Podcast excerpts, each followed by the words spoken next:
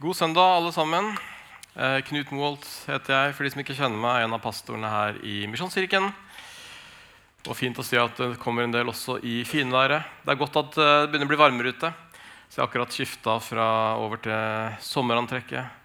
Langbuksa bytta ut med shorts. Og det jeg ofte glemmer når jeg da skifter fra bukse til shorts, er å føre over beltet også. Så hvis jeg retter litt på shortsen i dag, så er det kun for deres del, egentlig. Bare så det er sagt.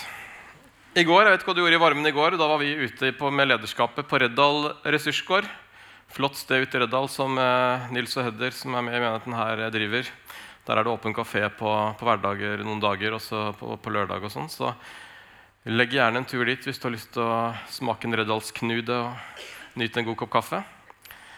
Men vi var der eh, også for eh, ikke bare pleasure, men også business. Og vi jobba litt med menighetsplanting og tematikken i forhold til det her med å nå ut og være større enn oss selv. Og det var interessant. Så kjenner du at du er med en liten menighetsplanter i magen, så ta gjerne kontakt. Men vi håper at det skal bli mer fokus på det også i vår menighet etter hvert nå. Og allerede i eh, morgen ettermiddag så er det et par eh, damer ute på Vik som drar i gang en familieettermiddag på Vik bedehus. Så hvis du bor på Vik, eller kjenner noen som bor på Vik, som kanskje har en familie, eller det kunne vært aktuelt med, så tips gjerne om det. Jeg tror det var rundt halv fem. Eh, eller noe sånt, var det det? Ja, eh, I hvert fall på Vik bedehus om morgenen. Familieettermiddag. Man kan ta med, en, grill, ta med grillmat og grille og ha det kjekt sammen i finværet. Det ligger mer info om det også på Facebook-siden Folk i Grimstad misjonskirke. I dag skal vi feire nattverd sammen. Nattverdsbordet er dekt på eh, eller litt seinere. Og det er jo fint, for det spesielle med nattverdsmåltidet er jo at det var noe som Jesus ba oss om å gjøre. Og så kan vi få lov til å gjøre det igjen og igjen til minne om det han har gjort for oss. Men en annen ting som Jesus også ba oss om å gjøre, som vi ikke gjør like ofte, forhåpentligvis, det er å bli døpt. Dåpen, som nattverden, er også et viktig element i kristen tro. Og Vi har dessverre ikke dåp i dag, men vi skal snakke litt om dåpen likevel. Jeg håper at det ikke blir lenge til neste dåp her i Misjonskirken. Under trommesettet her så er det en plate i gulvet. og Under der så har vi et dåpsbasseng som vi bruker, har brukt litt forskjellig til det siste. Men det gjør at det er mulig å døpe seg her i en gudstjeneste for de som ønsker det. Vi har også Innen døra ved siden av plattformen så har vi et skifterom hvor til og med opptil tre mennesker kan skifte samtidig. Så det er ikke det som skal stå på i hvert sitt avluke. Alt ligger til rette for dåp-misjonskirken, og det er til og med god temperatur på vannet. Jeg har stått nede der noen ganger, og det er eh, behagelig, eh, faktisk. Så det kan anbefales. Og i 2019, eh, når vi lagde en ny visjon for menigheten, så satte vi også et mål om at vi ønsket å se 20 døpte i året. I fjor, i 2022, så hadde vi én dåp. Så det håper jeg at det blir flere i år. Og jeg vet allerede om én som vil døpe seg. og Det er min, min eldste datter Mathea på 11 år. Hun har sagt at hun vil døpe seg, og antagelig så blir det til høsten i menigheten her. på en gudstjeneste. Så det gleder vi oss til. Men kanskje blir det flere også. Og hva er greia med dåp? Hvorfor dåp? Hva er dåp? Det skal vi se litt på sammen nå. Og I Bibelen så finner vi veldig lite om dåp i Det gamle testamentet. Men eh, det var noen som drev, drev med dåp i Det nye testamentet også på Jesu tid. Og Det var spesielt en kar som vi eh, kjenner til, som het Johannes døperen. eller ble kalt Johannes døperen. Og Siden han drev med dåp, så ble han jo kalt døperen. da. Den tok dere. I Matteus 3, 4-6 så står det at Johannes hadde en kappe av kamelhår og et lærbelte om livet. Og maten hans var gresshopper og villhonning. Folk dro ut til ham fra Jerusalem og hele Judea og landet omkring Jordan. De bekjente syndene sine og ble døpt av ham i Jordanelven. Beklager hvis det er litt vanskelig å se teksten på, nei, svart på blått i dag. Det så mye bedre ut på PC-en min hjemme. Men uh, prosjektoren er ikke så lyssterk, tror jeg. Men hvis ikke dere ser det, så er det masse plasser på første rad. I vers 11 så står det videre at 'jeg døper dere med vann til eh, omvendelse', sa Johannes. Men han som kommer etter meg, er sterkere enn jeg, og jeg er ikke verdig til å ta ham sandalene. Han skal døpe dere med Den hellige ånd og ild. Så Johannes døpte mennesker, men han døpte det ikke til noen eller i et navn. Men hans dåp ble kalt for en, en omvendelsesdåp. Et synlig symbol på at man på en måte ble vasket ren etter å ha bekjent syndene sine. Så jeg antar at folk kom til han, bekjente sin synd, og så ble de døpt og vasket rene. Så det var på en måte en slags uh, skriftehandling, på en måte. Uh, hvor de kom og ble rene og, uh, fra synd. da i overført betydning. Så han døpte til omvendelse fra det gamle livet og til et nytt. Men var han, han, var tydelig at det kom en etter han, Messias skulle komme og døpe med Den hellige ånd og ild, altså på en annen måte. Men så kommer Jesus til eh, Johannes og lar seg døpe av ham. Eh, og det er jo det fine med Jesus, uansett om det gjelder nattverden, som vi skal feire senere, eller dåpen. Så viser han selv i praksis og ber oss om å gjøre det samme. Så det er ikke sånn at Jesus ber oss om å gjøre ting som han ikke har gjort selv, men han gjør det også selv i praksis. Og det er veldig fint. Og Vi skal lese det fra eh, Matteus 3, 13-15. Da står det at da kom Jesus fra Galilea til Johannes ved Jordan for å bli døpt av han. Men Johannes ville hindre ham og sa, 'Jeg trenger å bli døpt av deg, og så kommer du til meg.' Jesus svarte, 'La det nå skje. Dette må vi gjøre for å oppfylle all rettferdighet.' Da lot Johannes det skje. Og så står det videre at da Jesus var blitt døpt, steg han straks opp på vannet, og se, himmelen åpnet seg, og han så Guds ånd komme ned over seg som en due. Og det lød en røst fra himmelen. Dette er min sønn, den elskede. I ham har jeg min glede. Jesus trengte å bli døpt før han startet sin tjeneste.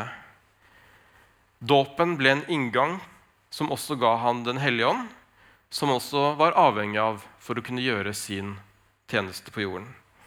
Og så er det interessant å se i disse versene hvordan treenigheten, den treenige Gud, er til stede i dåpen.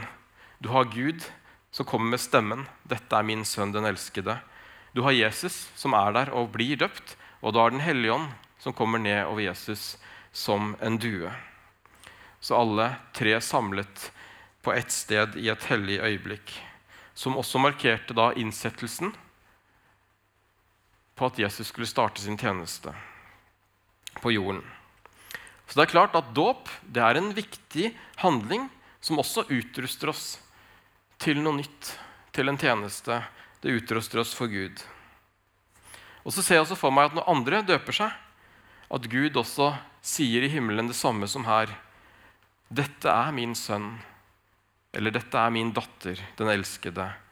I ham eller i hun har jeg min glede. For Gud har sin glede i deg. Du er elsket. Og jeg tror at når vi velger å døpe oss i Hans navn, så behager det Gud. For det er Han som har bedt oss om å gjøre det. Og så setter det oss i stand til tjeneste, akkurat sånn som det var en inngangsport for Jesus også til tjeneste. Etter at Jesus har blitt døpt, så gikk han ut i ødemarken og ble fristet av djevelen. Og Det er heller ikke en unaturlig opplevelse som en del kan oppleve. At det kan være litt tøft etter at man har tatt et valg, at man har døpt seg. Eh, for når du har tatt et tydelig valg som også gjør noe i det synlige, så tror jeg det også gjør noe i det usynlige. At kan, noen kan kjenne på en liten kamp kanskje, eller litt utfordring etterpå. Fordi man har sagt at 'jeg ønsker å tilhøre Gud', 'jeg ønsker å tilhøre fellesskapet', 'jeg har tatt et valg'. Og så prøver kanskje djevelen å pusle litt på det, akkurat som Jesus har. Han blir døpt, går ut i ødemarken, blir fristet av djevelen. Men han har fått Den hellige ånd. I dåpen Den hellige ånd hjelper Jesus til å gi gode svar, og han står imot fristelsene og overvinner de der ute.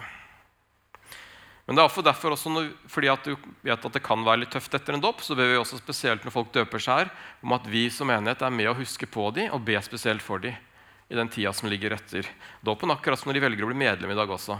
Så har de tatt et valg om at vi ønsker å tilhøre fellesskapet. Husk gjerne på de nye medlemmene også i bønn, spesielt i den tida nå foran. Dette med å tilhøre fellesskapet, både gjennom medlemskap og gjennom dåp, det ser vi også i apostelgjerningene 2.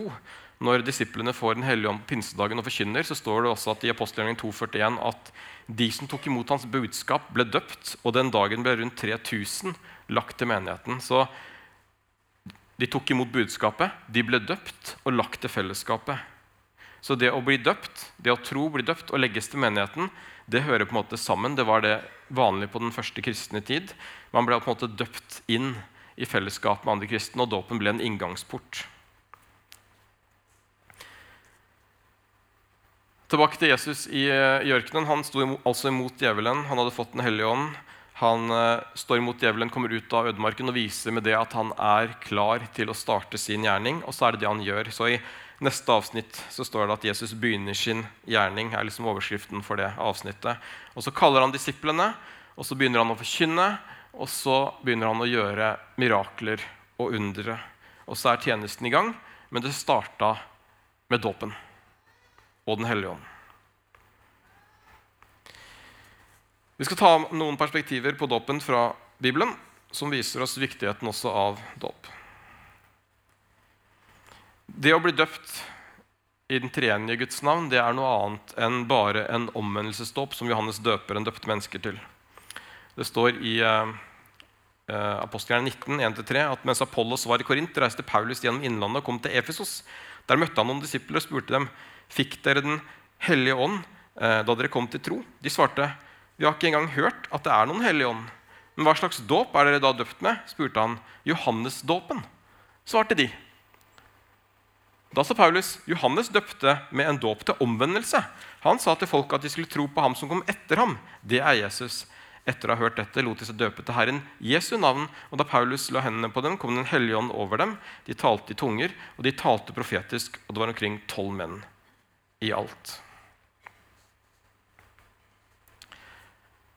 Ofte kan vi se i Bibelen at det å bli døpt og det å få Den hellige ånd det henger eh, ofte sammen. Og Det var også i dåpen at Jesus fikk Den hellige ånd. Men så vet vi også at eh, de som ble døpt, de ble døpt på sin bekjennelse. Så man kan også si at bekjennelsen og Den hellige ånd hører sammen. Jeg tror at vi får Den hellige ånd gjennom troen når vi bekjenner at Jesus er Herre. Fordi det står et annet sted at ingen kan si at Jesus er Herre uten ved Den hellige ånd. Det fins også andre eksempler i Nytestamentet hvor dåp og dette med å få Den hellige ånd ikke nødvendigvis henger sammen. Også. Og I apostelgjerningene 8, 14-17 så står det at apostlene i Jerusalem fikk nå høre at Samaria hadde tatt imot Guds ord. Og De sendte Peter og Johannes ned dit. De kom ned og ba for dem, slik at de skulle få Den hellige ånd. For ånden var ennå ikke kommet over noen av dem. De var bare døpt til Herren Jesu navn. Nå la de hendene på dem, og de fikk Den hellige ånd. Så er det et eksempel på at de var døpt i Jesu navn. De hadde ikke fått Den hellige ånd, men de fikk det når eh, Peter og Johannes kom dit og la hendene på dem. Og i apostelgjerningene 10, 44-45 så står det at mens Peter fremdeles talte, kom Den hellige ånd over alle som hørte ordet. De troende av jødisk ett som var kommet dit sammen med Peter, ble forskrekket over at Den hellige ånds gave ble utøst også over hedningene. For det står videre at for de hørte dem tale i tunger og lovprise Gud. Da sa Peter, disse har fått Den hellige ånd, slik som vi. Kan noen da nekte dem vannet og hindre at de blir døpt? Så bød han at de skulle døpes i Jesu Kristi navn, og etterpå ba de ham bli hos dem noen dager. Så det er ikke noe fasit ifølge Det nye testamentet og apostlenes gjerninger spesielt. Men eh, noen ganger fikk de Den hellige ånd før de ble døpt, andre ganger fikk de Den hellige ånd etter at de var døpt, eh, og noen ganger i dåpen. Men jeg tror Gud ser til hjertene og gir oss det vi trenger når vi trenger det, eller når vi er klar for det. Men Den hellige ånd er viktig, og dåp er viktig, og tro er viktig. Det kan vi være enige om. Det går igjen i alle versene. Og Et av mine absolutte favorittvers om dåp det står i 1. Peter 3,21, hvor det står at dåpen er ingen renselse fra ytre urenhet, men en god samvittighetsbekjennelse til Gud i kraft av Jesu Kristi oppstandelse. Dåpen er en god samvittighetsbekjennelse for Gud, til Gud i kraft av Jesu Kristi oppstandelse.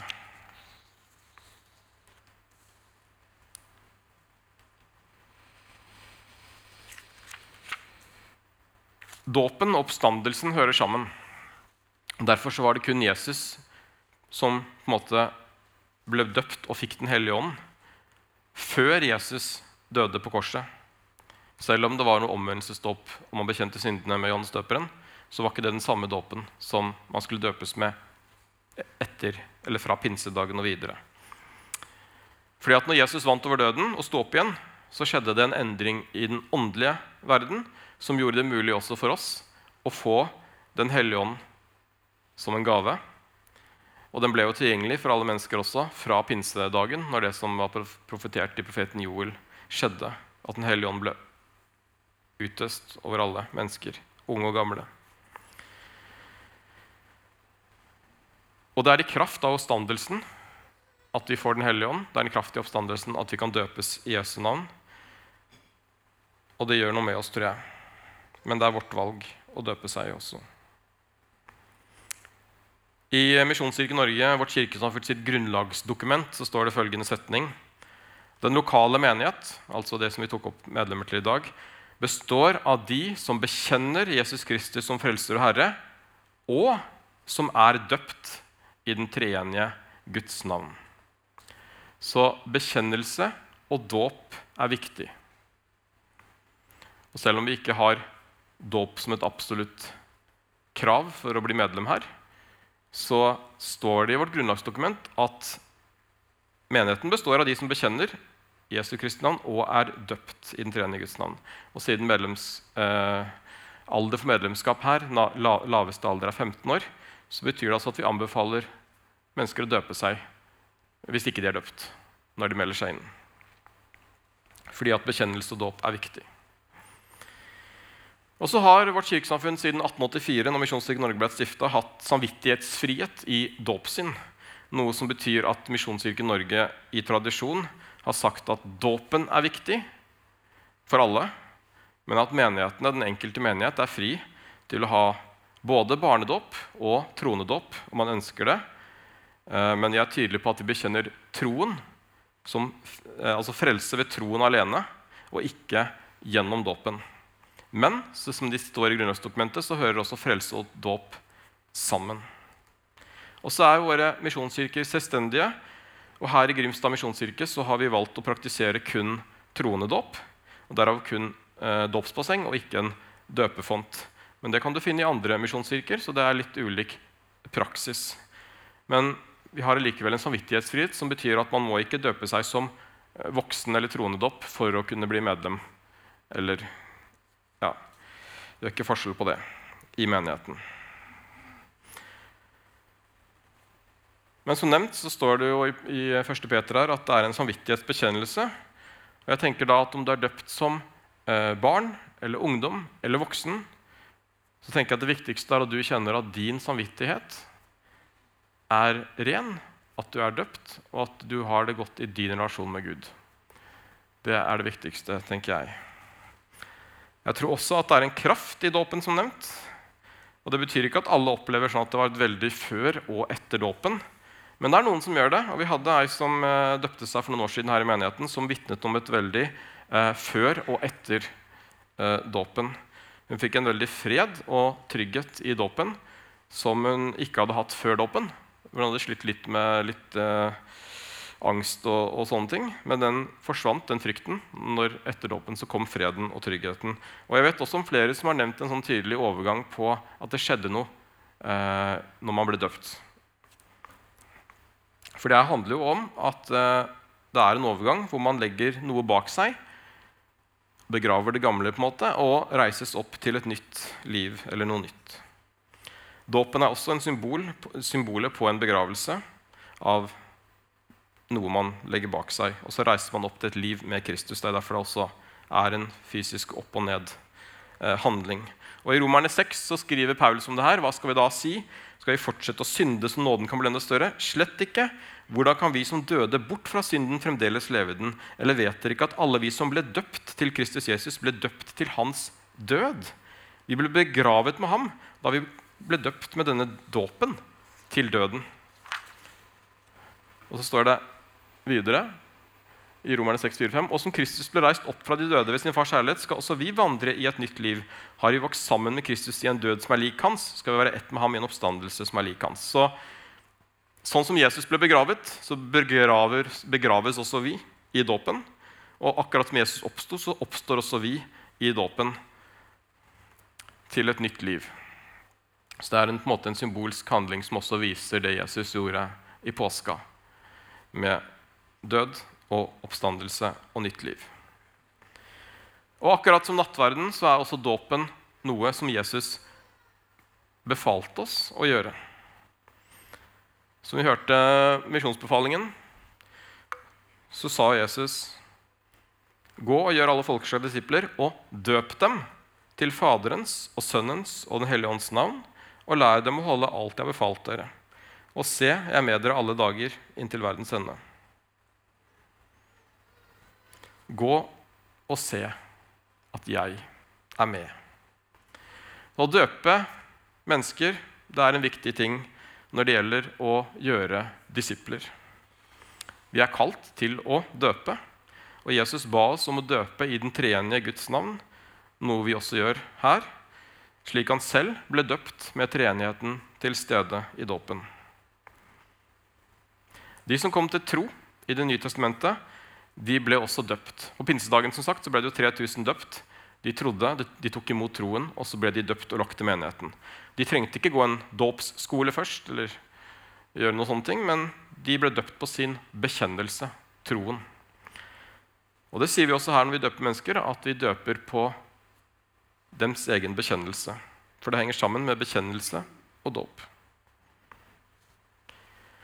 Så vårt ønske som menighet også er å legge til rette for at mennesker kan komme til tro og bli døpt. Så Jeg skal avslutte i dag med en kort historie fra apostelgjerningene 8, som vi for noen år siden valgte som vår menighets bibelhistorie, og som handler om Philip og hoffmannen, og som vi finner altså i eh, apostelgjerningene 8. og Vi begynner fra 26 til 27, hvor en engel fra Herren talte til Philip og sa.: Gjør deg klar og dra sørover på veien fra Jerusalem til Gaza. Dette er en øde strekning.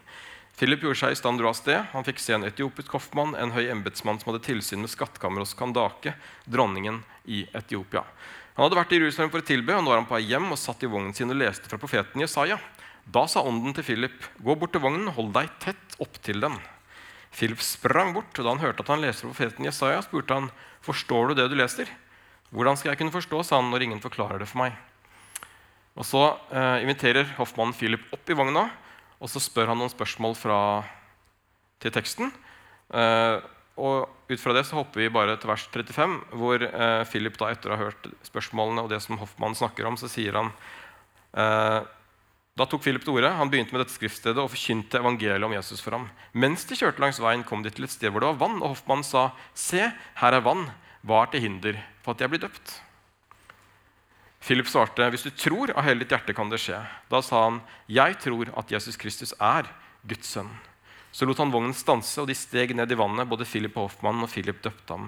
Da de steg opp av vannet, rykket Herrens ånd Philip bort, og Hoffmann så ham ikke lenger. Han fortsatte lykkelig videre på sin vei. Vi tror at han fortsatte lykkelig fordi han ble døpt, ikke fordi at Philip forsvant. Bare sier det sånn hvis noen skulle misforstå den. Det er fort gjort å misforstå. For jeg tror han fikk et nytt liv gjennom dåpen. Og det som også er tydelig her, er at jeg tror Philip ikke bare forkynte evangeliet om Jesus, men han forkynte også om dåp. Fordi at Hoffmann en gang han så vann, så var det liksom Kan jeg, kan jeg også bli døpt? på en måte? Han var klar for det. Han skjønte at her, det er det jeg trenger nå. på en måte. Nå vil jeg legge det gamle livet bak meg. Nå vil jeg tro på Jesus, og jeg vil bli døpt i Jesu navn. Og det skjedde. Og når Philip hadde gjort det, så hadde Philip gjort det han skulle gjøre. Og Hoffmann kunne dra lykkelig videre. Og jeg tipper at Hoffmann fortalte hva som hadde skjedd til mange, vil jeg tro, siden han var så glad. Men det eneste Philip sier til Hoffmann, er at hvis du tror, av hele ditt hjerte kan det skje. Og det er på en måte det eneste kravet til dåpen. Det er at du tror i ditt hjerte på Jesus Kristus som Guds sønn. Oppstanden for deg. Og jeg tror at det er eh, mange hoffmenn der ute i Grimstad i dag, i Norge i dag, som kanskje som Philip trenger vår hjelp til å forstå evangeliet. Jeg tror evangeliet i dag har drukna litt i så mye annet som eh, vi kristne er kjent for, eller virker som vi er opptatt av, eller diverse. Men evangeliet handler om hva Jesus har gjort for oss. At han døde for deg og for dine synder. Og det tror jeg er et budskap som alle mennesker trenger å høre.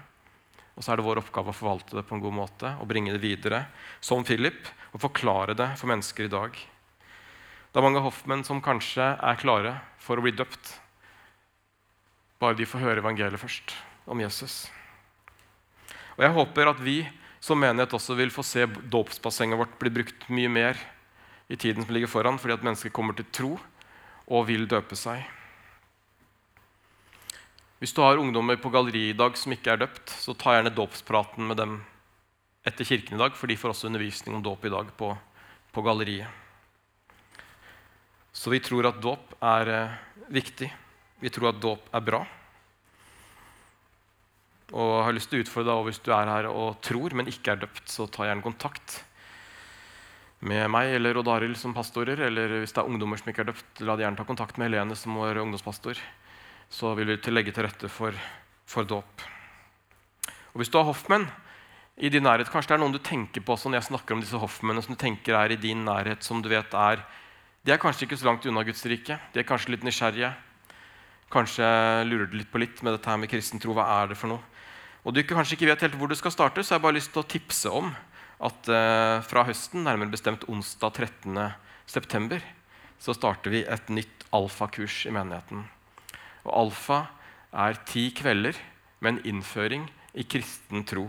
Det handler om det grunnleggende, og i tillegg til ti gode temaer, så er det også god kveldsmat og gode samtaler i grupper. Og nå er det to år siden siste alfakurs. Jeg håper at det er en del som vil gå nå. Og Hvis du ikke har hørt om alfa, så skal du få mer info etter hvert. Og også Hvis du har vært kristen en stund, så anbefaler jeg ofte å gå alfa. For der kan du få lov til å bidra og trene litt på det å være en Philip for andre hoffmenn. Å snakke om tro og øve seg i det og sette ord på troen. Men kjenner du noen som kanskje kunne vært aktuelt å, å gå et alfakurs, så inviter de gjerne med og gå kurset sammen med dem. Det er ofte en veldig bra tips som fungerer ofte veldig bra. Og forhåpentligvis så kanskje det kan føre til en dåp eller to etter kurset. Det hadde vært gøy. Yes, Vi skal uh, gå mot en avrunding nå. Skal vi få lov til å høre en uh, sang før vi skal feire nattverd sammen. Det er også en god ting som Jesus sa at vi skulle gjøre. Bare lyst til å be en bønn til slutt og be om at Gud skal velsigne den stunden vi skal sammen videre nå. Kjære far, jeg takker deg for dåpen. Jeg takker deg for det redskapet som du har gitt oss til å døpe i ditt navn, far. Takk for døden og oppstandelsen som vi kan få lov til å ta del i gjennom troen, dåpen og fellesskapet med andre. Velsigne en stund vi skal ha nå, far, sammen her nå. Velsigne nattverdsmåltidet vi skal feire sammen, far må du velsigne menigheten og det som ligger foran.